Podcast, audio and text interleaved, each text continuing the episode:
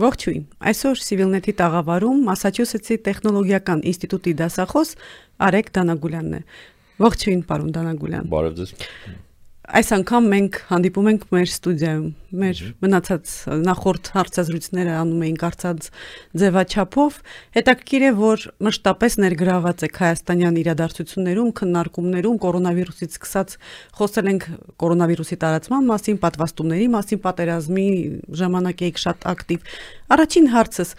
Ինչպես է ինչպես է ձեզ հաջողվում հերո մնալով այդքան ակտիվ ներգրավված լինել եւ ինչն է ձեզ կապում առհասարակ Ես մեծացել եմ Հայաստանում, մինչև 16 տարեկան այստեղ եմ ապրել, 1.5 տարի նախքան դա Ֆրանսիայում ենք ընտանիքով ապրել։ Այսինքն Հայաստանը դա ինչ որ իմաստով ոչ թե ինչ որ իմաստով, հենց դա իմ տունն է, այսինքն այստեղ մեծացել եմ, սա իմ օրորոցն է, կոպիտ ասած, հա ունեմ շատ ջերմ հիշողություններ մանկությանս մասին, իմ բարեկամների, այսինքն հարազատների բարեկամների մեծամասնությունը Հայաստանում են, իմ դպրոցական ընկերները Հայաստանում են, ես հայ եմ։ Այսինքն ես, բայց ես նաև իհարկե ես ամերիկացի եմ։ Ես նաև շատ ջերմորեն եմ վերաբերվում Ամերիկային, հա, ու ես Ամերիկայի կյանքի մեջ իհարկե շատ մեծ ինտեգրված եմ ու մասնակցում եմ կյանքին, հա, բայց միաժամանակ մոտս կա ասենց ցանկություն ինչ որ ձև, ինչ որ տեղ փորձել, գուցե օգնել Հայաստանին այնպես ինչպես ես, ինչպես ես կարող եմ։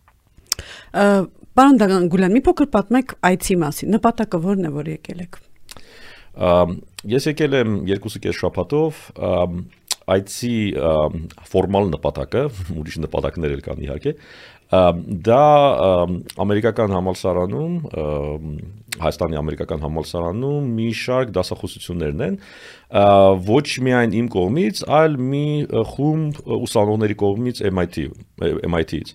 MIT-ն ունի MIT-ն դա Massachusetts-ի տեխնոլոգիական ինստիտուտն է, ու կա մի հատ հրաշալի ծրագիր, որ կոչվում է MIST-ի, որը փաստորեն քաջալերում է MIT ուսանողներին, ասենք գնալ ուրիշ երկրներ եւ այնտեղ տարբեր կրթական գիտական ծրագրերի մասնակցել, օրինակ դասավանդել, ամենապարզ օրինակը դա դասավանդումն է։ Ինչու է MIT-ին դա անում, որտեվ MIT-ին շատ շատ այնց ամբիցիոզ բան է, կառույց է, նրանք ուզում են ոչ միայն, ասենք, ունենալ իրենց բանը, իմպակտը, ասենք, ամերիկական կյանքի վրա, այլև ընդհանրապես միջազգային ամբողջ ամբողջ ամբողջ աշխարհի վրա։ Եվ նրանք զգում են, որ դրա համար իրենց ուսանողները պետք է իմանան, որ ինչպիսին են խնդիրները ուրիշ երկրներում ու սկսեն մտածել ուրիշ երկրների խնդիրների մասին։ Այսինքն իրենք շատ էս գլոբալ մտածող մի ցակ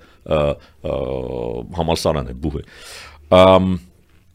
մեր ուսանողները, ասես ես բերել եմ հետս 4 ուսանողի, նրանք դասավանդում են տարբեր կարճ կուրսեր, 1 շաբաթանոց, 2 շաբաթանոց, 3 շաբաթանոց կուրսեր,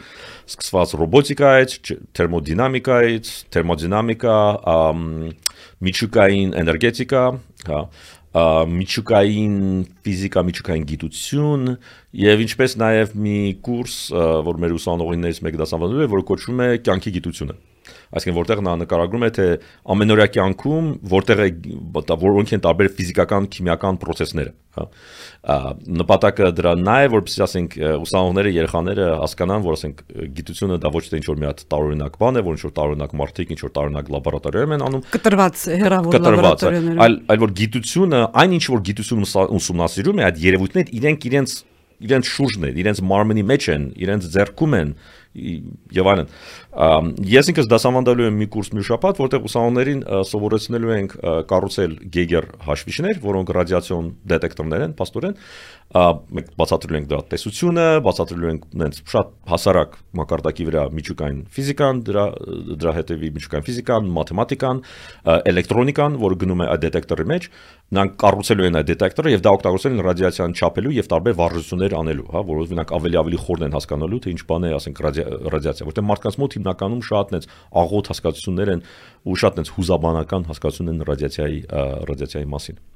Երբ մենք խոսում ենք Հայաստանի կրթական համակարգի մասին, մի այսպիսի տարածված կարծիք, այն փակ է դրսի մասնագետների, դրսի կադրերի համար։ Հիմա դուք այն ինչ որ նկարագրում եք, սա փաստորեն նաև համագործակցություն է։ Որքանով է մեր կրթական համակարգը բացվել կամ փորձում բացվել դրսի փորձը ընկալելու յուրացնելու համար։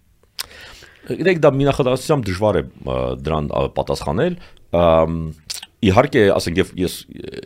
կան դեպքեր, որ մարդիկ գալիս են եւ նրանց մոտ շատ հաջողությամբ ստացվում է համագործակցել։ Եթե մենք ուղղակի նայենք օրինակ ամերիկական համալսարանի դասախոսական կազմը, այնտեղ մեծ քանակությամբ ոչ հայաստանցիներ են դասավանդում, հա։ Կարելի է ասել, որ դա փաստորեն արտաքին համագործության շատ էֆեկտիվ, շատ դրական օրինակներ են, հա։ Կան նաեւ ուրիշ օրինակներ, երբ որ մարդիկ գալիս են Հայաստան, փորձում են այստեղ աշխատել, առնչվում են ահավոր խոչընդոտների հետ, եւ բյուրոկրատական, եւ անձնական, մարդկանց մարդիկ չեն ուզում փոխել իրենց աշխատելաձևը եւ այլն եւ այլն։ Ամ ավելի հետաքրքիր է իհարկե հտալ հարցը ինչու է դժվար մեզ հետաքրում են իհարկե ոչ թե հաջողության դեպքերը որովհետեւ նրանք շարունակվելու են այլ զախողման դեպքերը եւ ինչ դասեր կարելի է դրանցից քաղել հա Զախոման դեպքերը շատ հաճախ լինում են հիմնականում կազմակերպչական եւ մշակութային, աշխատանքային մշակութային մեր շատ հաստատություններ ունեն շատ այն սովետական կառուցվածք եւ շատ սովետական պատկերացումներ թե ինչպես է արվում ոչ միայն գիտությունը, այլ ընդհանրապես աշխատանքը, հա։ Ամ Եվ եթե մենք ուզում ենք գնալ ապագա, հա, ունենանք ասենք գիտական, տեխնոլոգիական պրոգրես, մենք պետք է դա վերափոխենք, մենք պետք է թողնենք սովետական աշխատելաձևերը մտածելակերպը եւ 20-րդ հա, դարում, այսինքն դա հեշտ է ասել, բայց շատ դժվար է դա կիրառել, որտեղ մարդկանց մոտ երբ որ կիրա բաներ արում, ձևավորում է աշխատանքային մշակույթ, երբ որ ձևավորում է կազմակերպչական մշակույթ, դա շատ-շատ դժվար է դա փոխել։ Կա ամերիկական հասկացություն, ասում են culture will eat policy for breakfast, նշանակում է որ բանը կազմակերպչական մշակույթը քո քաղաքական ծրագիրը հում-հում կուտի ու դա իսկապես դժվար խնդրեմ է, բայց ես նաև տեսնում եմ մարդկանց անգամ այդ նախկին սովետական կառույցները, որոնք իրանք իսկապես ուզում են ինչ-որ բան փոխել։ Իրանք իսկապես փորձում են ինչ-որ մի բան անել, հա։ Ես տեսնում եմ հիմա, հատկապես վերջին տարին, sense 1.5 տարին, հատկապես հատկապես հատկապես պատերազմից հետո, sense ինչ-որ բան, sense հրատապության կտրուկ աճ, որը շատ դրական միտում է։ Հուսադրող եմ։ Ձեր սյունակներում, որոնք գրել եք Civilnet-ում, իսկ դրանք բազմաթիվ են եւ տարբեր թեմաներով կորոնավիրուսից ռազմարտությունաբերություն բանակ մտածելակերպ կարմիր թելով անցնում է հետեւյալ միտքը որ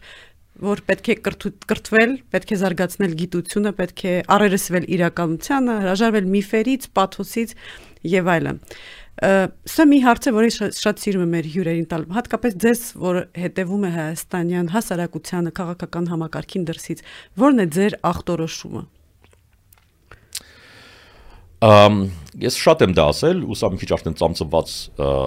բան է, բայց դա ուղղակի չես կարող չափից չափից հավել շատ անգամ ասել, որ ամեն ինչ իսկապես գնում է բան միջնեպի միջնակարգ կրթություն։ Իսկապես մեր խնդիրները սկսում են միջնակարգ կրթությունից։ Հիմնական խնդրեմը, որը ասենք իսկապես դու որի հետ մենք մենք տեսնում ենք, դա այդ բանն է, քննադատական մտածելիության ոչ թե բացակայությունը, որտեղ մարդիկ հետաքրքրասեր են, իրենք սիրում են քննադատել, իրենք սիրում են քչփորել, հա, բայց մենք ունենք մի ցակ կրթական համակարգ, որը բան է անում, խաթարում է եւ ամեն ձև զսպում է այդ տեսակի մոտեցումները ու դա էլի գալիս է սովետական ժամանակներից, որ հիմնական ուսուցիչները զբաղվան են զբաղված են ասենք աշակերտներին հնազանդեցնելով եւ նրանց կրկնեցնելով, հա, ինչ որ դոգմաներ անverջ կրկնեցնելու, նրանք դա համարում են իրենց հայրենասիրական պարտքը, բայց դրա մեջ ոչ մի հայրենասիրություն չկա։ Երբ որ երեխային դու սովորեցնում ես իր գլուխը չօգտագործել, դու վարի ես տալիս քո երկրի ապագան։ Դա ոչ մի հայրենասիրական բան չկա դրա մեջ։ ես մի բան կասեմ, որ իմ սա իմ խոսքերը չեն, սա Ռիչարդ Ֆեյմանի խոսքերն են։ Ռիչարդ Ֆեյմանը 20-րդ դարի լավ ամենահայտնի ֆիզիկոսներից մեկն է եղել, որը լրիվ փոխել է միջ ոչ միայն միջկային ֆիզիկան, ընդհանուր ֆիզիկան ընդհանրապես, բայց նա նա եղել է հրաշալի գիտության ջատագով ու եւ հրաշալի մանկավարժ ուսուցիչ, հա եւ նա ասենք ամերիկական հասարակությանը բացատրել է գիտության կարեւորությունը եւ ինչը կարեւոր է ազատ մտքի կարեւորությունը հա։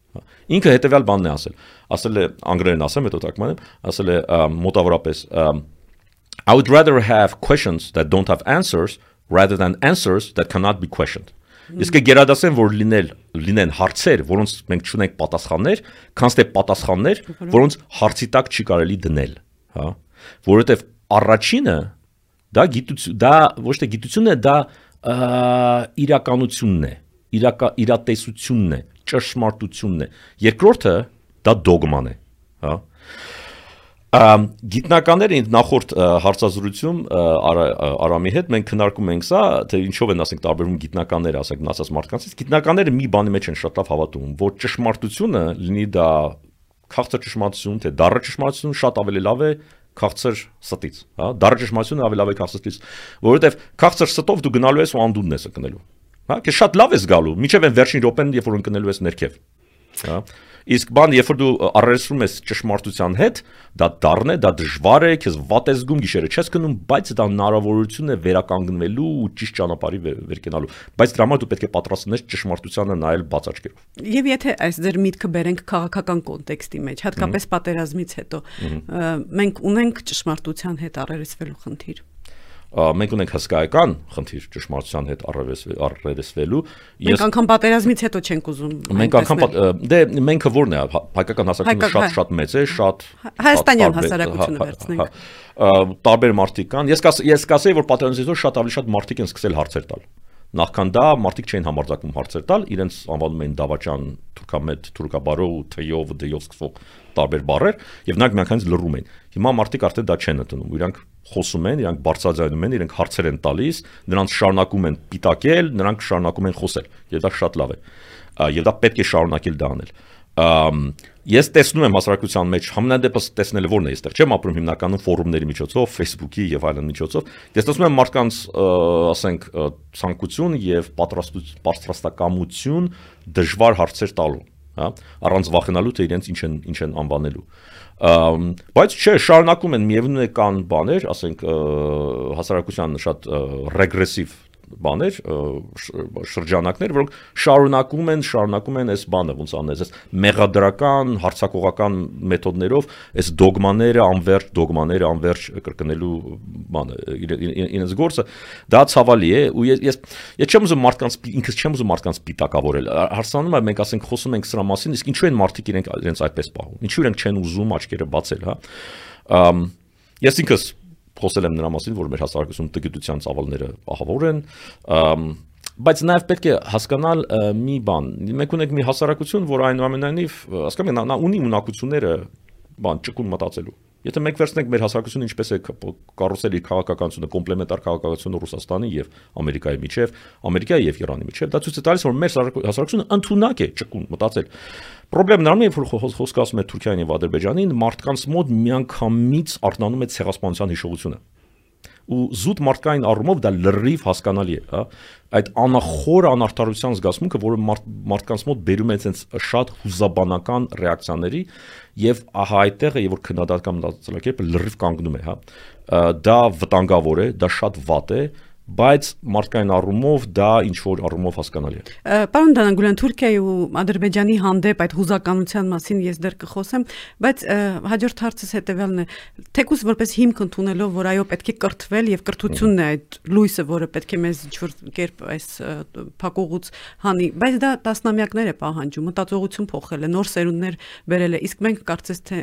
ինչպես ասվում է ժամանակ չունենք։ Ինչ անենք։ Եթե մենք հիմա չսկսենք, երբեք դա չենք ստանա։ Այո, դա երկար ժամանակ է պետք, բայց ինչ րոպե մենք դա պետք է սկսենք, հա։ Ես կարծում եմ մենք մի քիչ թերագնահատում ենք մեր հասարակության տարասեռությունը, այսինքն ոչ համասեռությունը։ Մենք ունենք տարբեր սերնդներ եւ այդ տարբեր սերնդները շատ տարբեր ձև են մտածում, հա, օրինակ ես տեսնում եմ, որ երիտասարդները շատ տարբեր են, շատ տարբերվում են, ասենք, ավելի իմ սերնդի եւ իմ սերնդից ավելի տարիքով մարդկանց հետ, որոնք ասենք մեծացել են սովետական ժամանակներում եւ նրանք ունեն իրենց մեջ այդ սովետական ժառանգությունը, հա, մտածելակերպի ժառանգությունը։ Երիտասարդները, երբ որ իրենց հետ շփվում ես, նրանց մեջ տեսնում ես շատ ավելի ճկունություն, շատ ավելի հարցեր տալու ունակություն, պարզունակ պատասխաններով չբավարարվել, հա, այսինքն ես կարծում եմ, բան,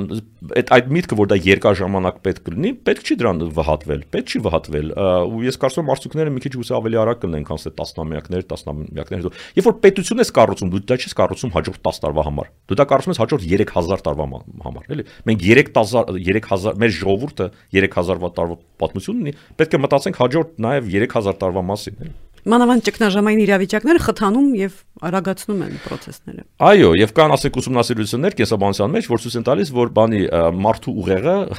այսպես կա հասկացություն neuroplasticity, այսինքն նևրոճկունություն, երբ որ մարդը ստրեսային վիճակում է, խոսքը գնում է եւ հոգեբանական ստրես եւ նաեւ ֆիզիկական ստրեսի մասին երբ որ օրինակ վազում ես վահավոր օգնած ես մարդու ուղեղը սկսում է արագ-արագ իր սինապսները ու նեյրոնները սկսում է բան անել վերակարգավորել ու սկսել փնտրել ավելի արդյունավետ լուծումներ մենք հիմա վասկի մեջ ենք մենք փաստորեն այդ ստրեսված վիճակում ենք ու ստրեսված վիճակները նրանք ցավալի են բայց նրանք թույլ են տալիս մարդկանց վերաիմաստավորել ամեն ինչ հա ուղղակի մտածենք ասենք ուսանողական տարիները իմ ամնա ստրեսված տարիներն են ու ամնաշատն եմ այն ժամանակ սովորել Հիմա եթե Թուրքիայի ու Ադրբեջանի այդ ինչպես ասացիք հուզական նաև ընկալումների մասին դուք նշում եք ձեր սյունակներում որ դուք իդեպ խաղաղության կողմնակից եք պացիֆիստ եք միևնույն ժամանակ դուք նշում եք որ դա չի նշանակում պետք է անznատուր լինել այսինքն հանձնվել եւ միայն խաղաղություն ուզել այլ դա նշանակում է զուգահեռաբար զարգանալ զինվել եւ պատրաստվել մեր այսօրվա հանրային դիսկուրսը, քաղաքական դիսկուրսը շատ բևեռացված է։ Մի կողմից այս իշխանության որևէ բան չառաջարկել է, մյուս կողմից ընդդիմության անընդմեջ պիտակավորումը եւ մարդիկ չեն հասկանում որն է իրապես ճիշտը, որն է ոսկե միջինը, որտեղից բռնել այդ թելերը։ Ամ, ստեղ ձեր հարցի մեջ մի քանի մի քանի հարցեր կան մարդկանց մոտ, երբ որ նրանք էլի ստրեսային վիճակում են, երբ որ նրանք իրենց վտանգված են զգում, իսկ մենք մեզ շատ վտանգված ենք զգում, ու դա իրականության հետ կապված է, հա, կա այսպես կոչված flight or fight բան, բնազդ, flight որ դա դիմադրելու կամ փախնելու փախնելու բնազդ, հա։ Հայաստանում կան տարբեր, ասենք, չեմ շարժումները լավ բառը չէ, բայց կան կան տա մտածելակերպեր, մի մտածելակերպ կենտրոնանում է խաղաղության վրա, հա, որ, որ բավական է, բավական է։ Եկեք փորձենք խաղաղություն գտնել նրանց հետ,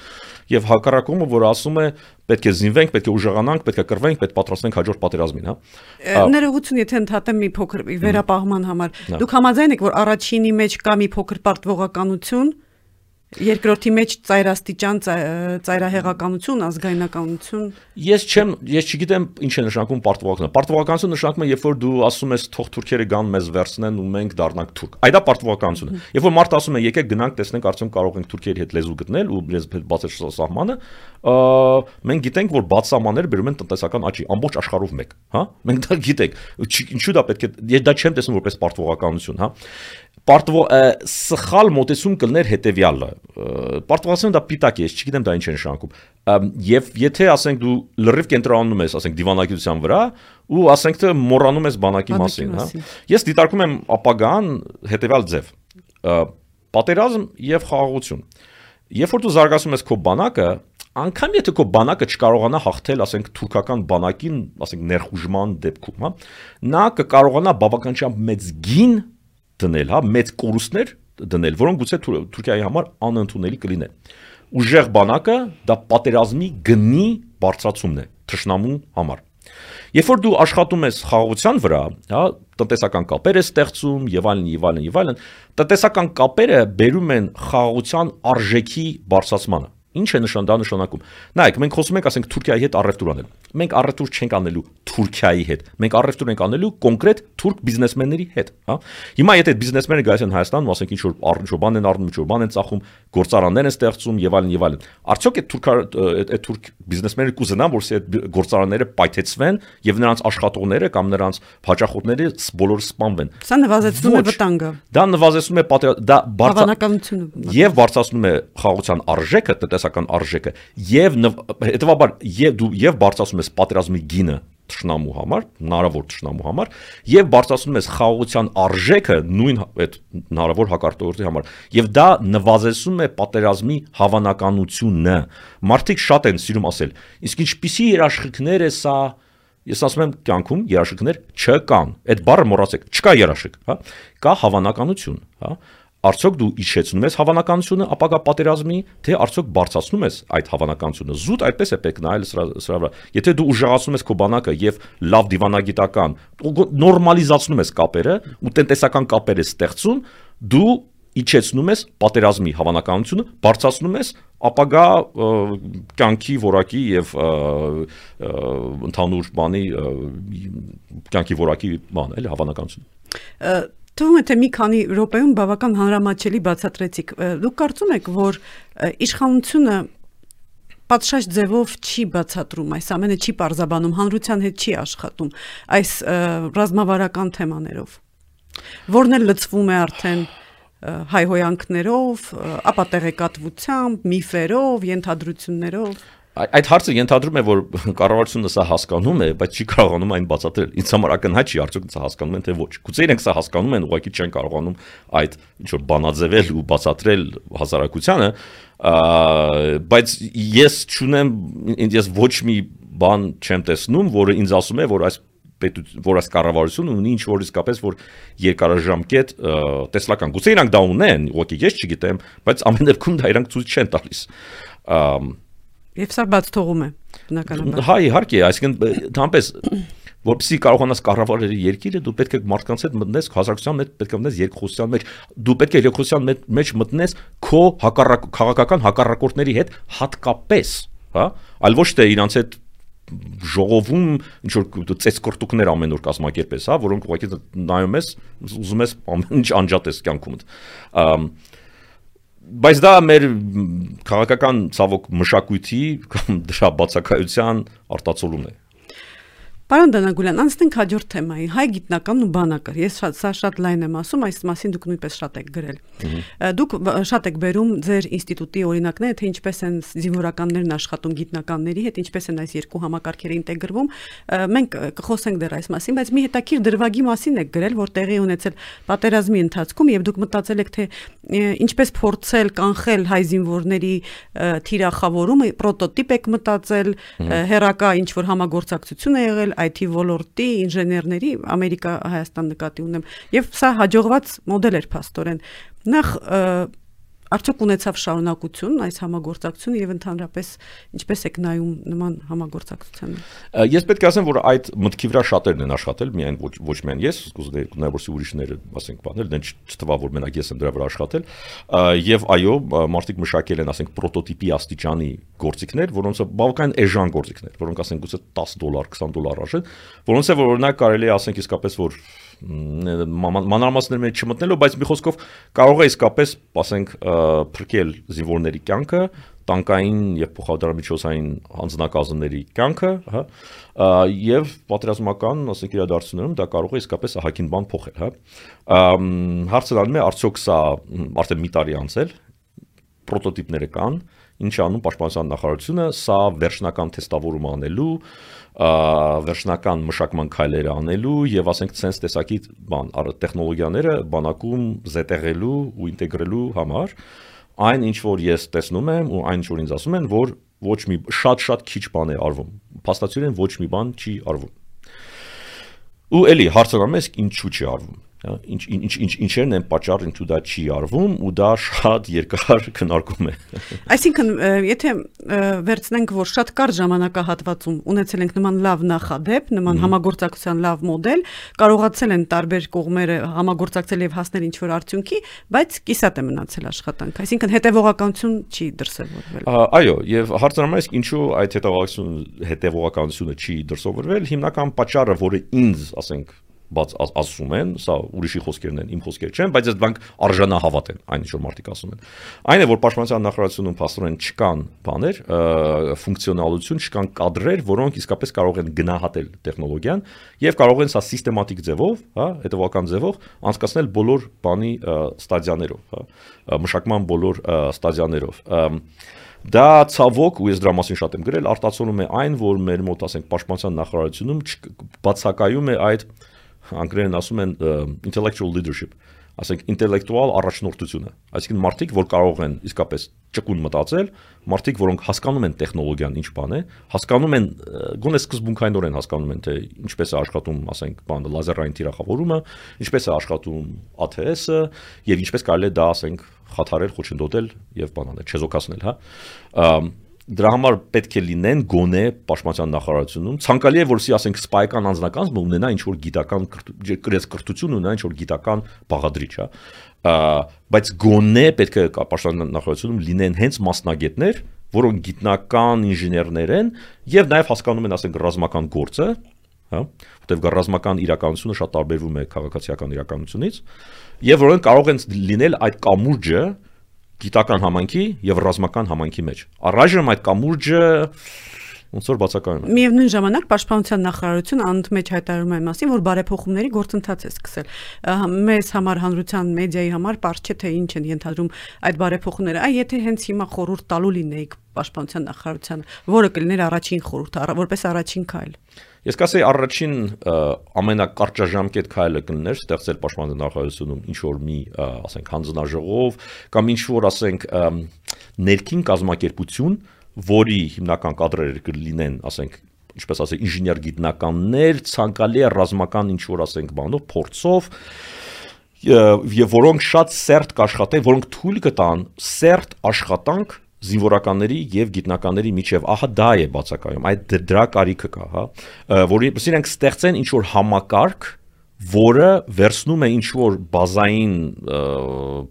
ցածր մակար ցածր պատրաստվածության տեխնոլոգիաները եւ դրանք քայլեր քայլ առ քայլ զարգացնում հասնում պրոտոտիպի հասնում այսպես կոչված pilot ծրագրի եւ վերջնական արտադրանքի որը կիրառվում է ասենք բանակի մեջ հա ահա այդ այդ այդ բանը ոնց որ սանդուղքը դա գոյություն ունի, մարդիկ դա գիտեն, դա կոչվում է DARPA-ի համակարգն է, որ Ամերիկայում համատարած է, օգտագործում է եւ ռազմական բաներում, եւ ոչ ռազմական, ասենք գերատեսչություններում, հա մի նման բան պետք է ստեղծել մեր պաշտպանության նախարարությունում։ Դա առաջին բանն է։ Ավելի մի քիչ երկարաժամկետ առումով երկու բան է պետք անել, դա պետք է ասենք որ ռազմական ուսումնարաններում եւ ակադեմիաներում մեզ պայական անձնակազմ ստանա լուրջ կրթություն։ Այդ մասին դուք շատ եք գրում։ Հա, եւ մաթեմատիկայի առումով, եւ ֆիզիկայի, եւ քիմիայի, որ սրանք իսկապես գիտություն հասկանան, որտեղ ապագան դա պատերազմի ապագան դա բարձր տեխնոլոգիական պատերազմն է, հա։ Եթե քո զինվորները, քո սպայական ազգությունը չի հասկանում ինչպես աշխատում դրոնը, ինչպես է արվում, չգիտեմ, բալիստիկ կառավարումը, ինչ բանի հրանոթի,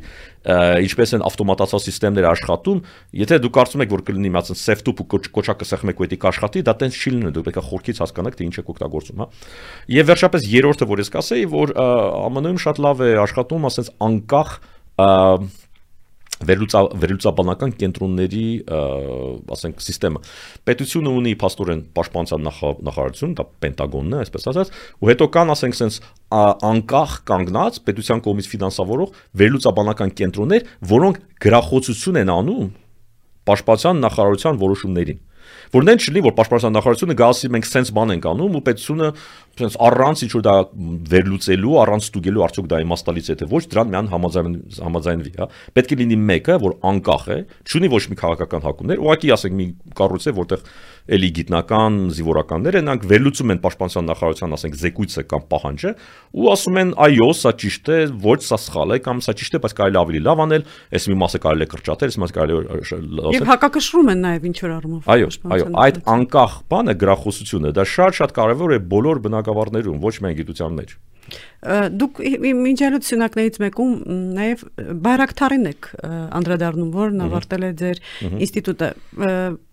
ինքը երևի թե ամենակնարկված կերպարներից է պատերազմի ժամանակ եւ պատերազմից հետո ո՞րն էր գաղտնիքը հաջողությանս ձեզ? Բայրակտարի այս կարծում գաղտնիքներ չկա մինչալոց բան է վերջերս խոսում մի հատ մոտիկ ընկերուհիներից հետ որը ավարտել է նույն ֆակուլտետը ու parzես որ նա 2 տարի նստել է նույն նույն նույն գրա նույն նույն սենյակում բայրակտարի սելջուկ բայրակտարի ես կարծում եմ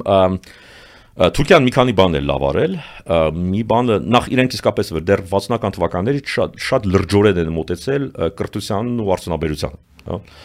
իրանք դա շատ լավ, շատ շուտ, շատ լավ դա ըմբռնել են ու դա կապված է նրա հետ, որ սկսած 20-ական թվականներից Աթաթուրք Քեմալ Աթաթուրքի ընդհանրապես քաղաքականությունը եղել է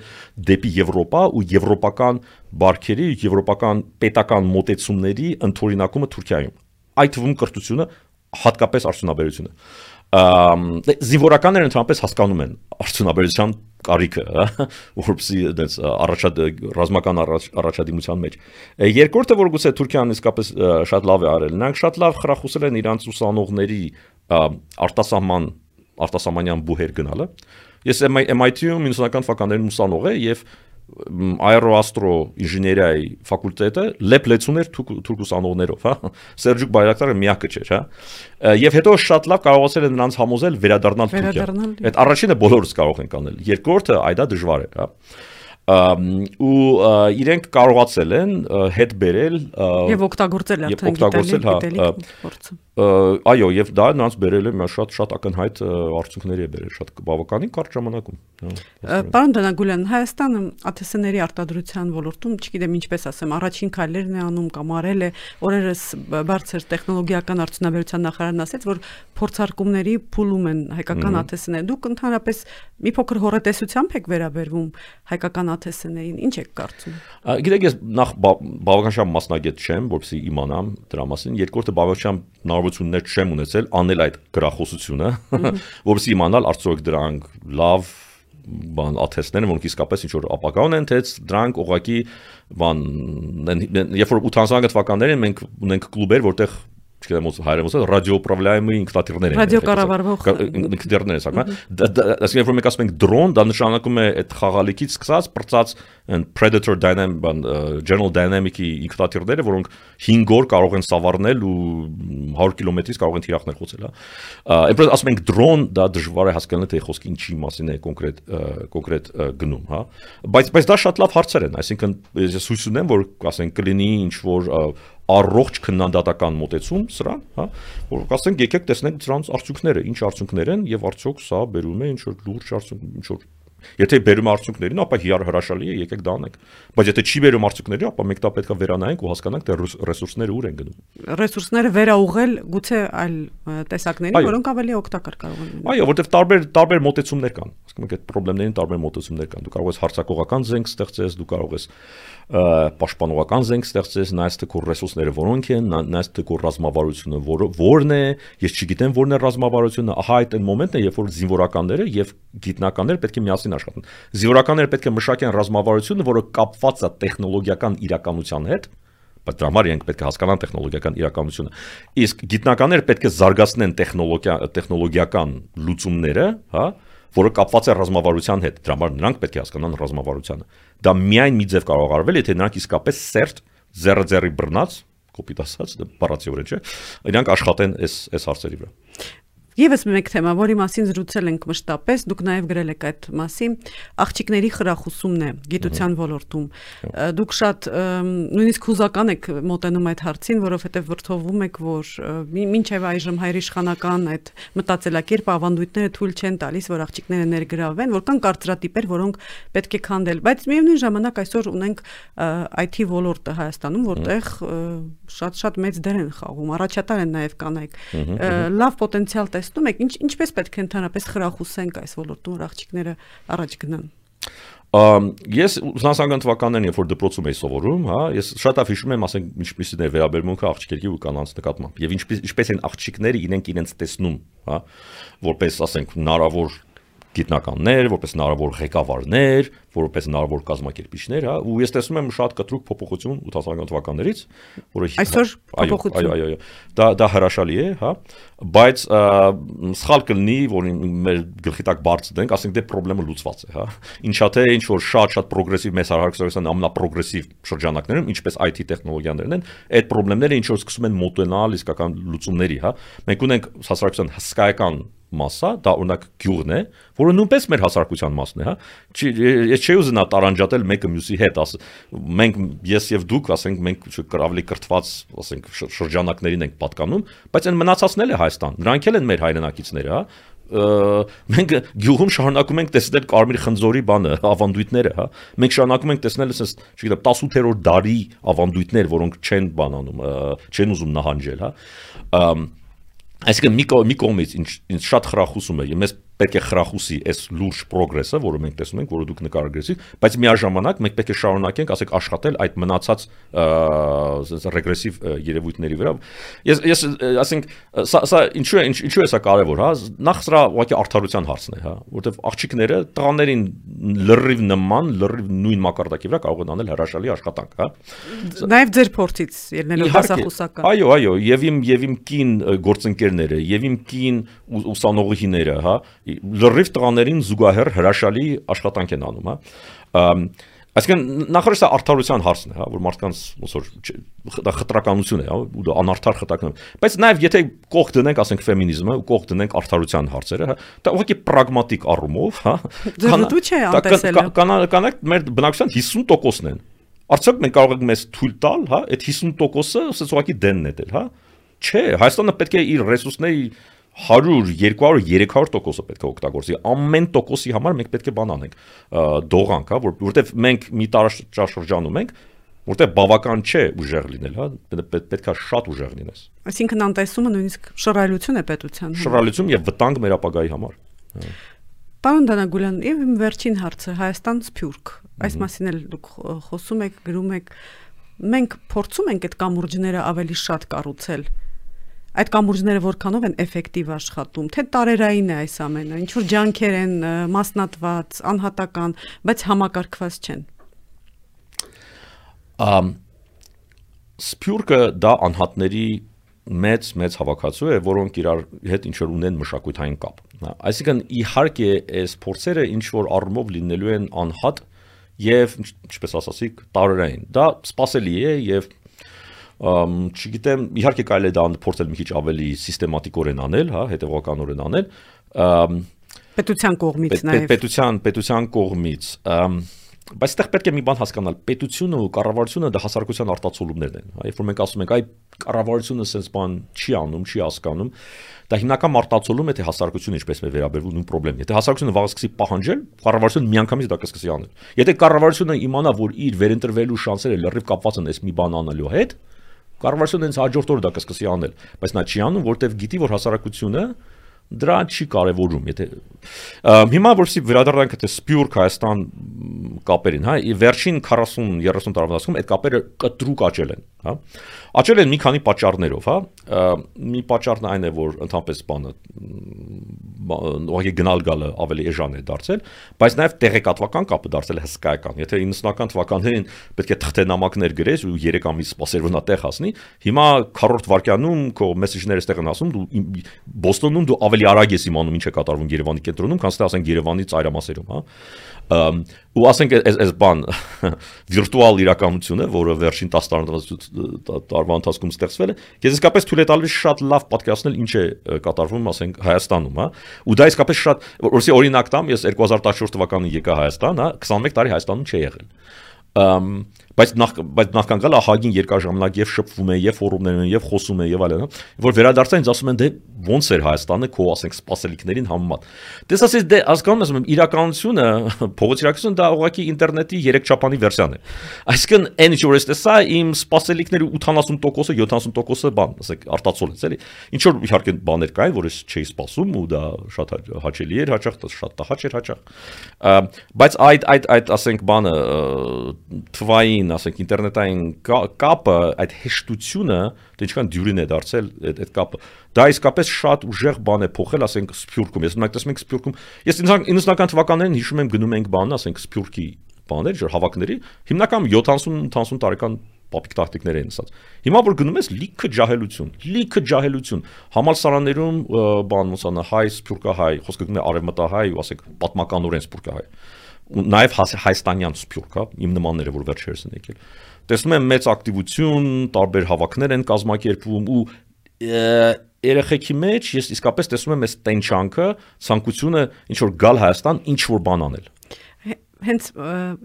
բան խորոշեցիք իմ հաջորդ հարցը։ Ներգրաված զգում են իրենց կապված զգում են Հայաստանի հետ եւ պատերազմը ինչ որ բան փոխեց դրսում ապրող հայի համար, ինչ որ կարմիր լույս վառեց, որ վտանգը, որը կա այստեղ, ինչ որ առումով նաև վտանգ է ինձ համար, եթե ես նստած եմ Լոս Անջելեսում, Փարիզում, Լոնդոնում, ինքնապաշտպանական բնազդ առաջացրեց հայության մեջ։ Շատ լայն եմ հարցս տալիս ձեր դիտարկումներով։ Ամ դե սպուրկը շատ բան է, խայտաբղետ է, բայց կասեի, որ այս պատերազմը բոլորի համար շատ տրավմատիկ փորձ էր բոլորի համար, հա, լինի դա, չգիտեմ, գիտնական կրթված մարդիկ, լինի դա հասարակ բանվոր տաքսիստներ, հա, Լոս Անջելեսում։ Դա իսկապես բոլորի համար շատ ծանր հարված էր ու այդ վտանգվածության զգացմունքը բոլորի մոտ կար ու դրա դա հետո այդ տրավման շատ շատերի մոտ բերեց sense հրատապության կտրուկ աճ այնինչ որ ասենք տարիներով խոսում ենք, անենք, ինչ անենք, ոնց անենք, ասես մեկ էլ բոլորի մոտ ասես ինչ որ ինչպես ասենք, ասես լույսը վառվեց, որ պետք է ինչ որ բան անել։ Էլ չի կարելի ու այսօր ասա պետք անել, որովհետև եթե չանենք հիմա, այս երկիրը ձեռից գնում է։ Ամ լիքը տարբեր բաներ են, ասենք հիմա նախաձեռնում են տարբեր մարդիկ, տարբեր խմբեր մարդկանց, հա, հիմնական ես գիտական կրթական համայնքի հետ եմ ծանոթ իհարկե կազմակերպում են տարբեր, ասենք, փորձեր, ասենք, ստել ինչ-որ համագործակցություններ, բայց մարդիկ, ասենք, այս վերջին 30 տարի նաև օգտակար եղել, որտեղ լիքը ձախողումներ են եղել ու մարդիկ ձախողումներից դասեր են քաղել ու մարդիկ փորձում են ինչ-որ բաներ շատ ուրիշ ձևի անել, քան թե անցյալում են փորձել։ Այսինքն ոչ թե փորձել ուղակի գուրորեն ինչ-որ համագործակցություն, ինչ-որ փող ուղարկել, բանման, այլ այլ իսկական մարդկային բան մասնակցություն, հա Այսինքն հուսանք, որ այս սերմերը, որոնց մասին դուք պատմեցիք, միջնաժամկետ կամ երկարաժամկետ կտրվածքով ինչ որ պտուղներ կտան։ Ես շատ հույս ունեմ, ես նաև չէի ուզենա չափազանցացնել Սփյուռքի կարևորությունը, որտեղ մեր մոտ պատմականորեն շատ են սիրել մարդիկ ասել, որ բան էլի Սփյուռքը կգա մեզ կփրկի։ Չէ, Հայաստանը փրկելու են հայաստանցիները, հա։ Սփյուռքը գալու է եւ առաջարկելու է իր օգնությունը։ Արդյոք հայաստանցիները դա վերցնելու են իմ համար այդ հարցի պատասխանը իր փորձը իր գիտելիքը իր գիտելիքն է այդ հարցը որ պատասխանը որ թվում է ակնհայտ որ իհարկե իմ համար ակնհայտ չէ որտեվ կա մեծ կանակությամբ որոշ բնակավարներում կան այս մեծ ուրախություն ընդունել, ասենք, փորձը խոսել, սովորել, ընթորինակել։ Ուրիշ բնակավարներում կա շատ կոշտ դիմադրություն ցանկացած փոփոխությունների ու ցանկացած խորհուրդների, հա։ Եվ հենց այստեղ է որ պետք է քանդել այդ պատմիչները։ Այո, դա պետք է անել, դա պետք է անել ոնց որ նրբանկատորեն, էլի, որտեղ մարդիկ երբ որ դիմադրում են, դա հիմնականում դա իրանց վախերի արտացոլումն է, հա դա նան չէ որ նրանք փիսն են կամ բութ են չէ նրանք ուղղակի իսկապես վախենում են իրենց աշխատանքի համար նրանց համար դժվար է փոխել իրենց աշխատելաձևը ինչպես արդեն ասացի հա բայց դա պետք է փոխվի էլի որտեվ կամ դա կամ էլ ասենք այդ ոլորտը ասենք քանդվելու է էլի դա չի չի կարելի դու տալ Պարոն Դանագուլյան, ես շնորհակալ եմ այս չափազանց հետաքրքիր զրույցի համար։ Ձեր շնորհակալություն։ Հիշեցնեմ, Civilnet-ի հյուրն էր Մասաչուսեթսի տեխնոլոգիական ինստիտուտի դասախոս Արեկ Դանագուլյանը։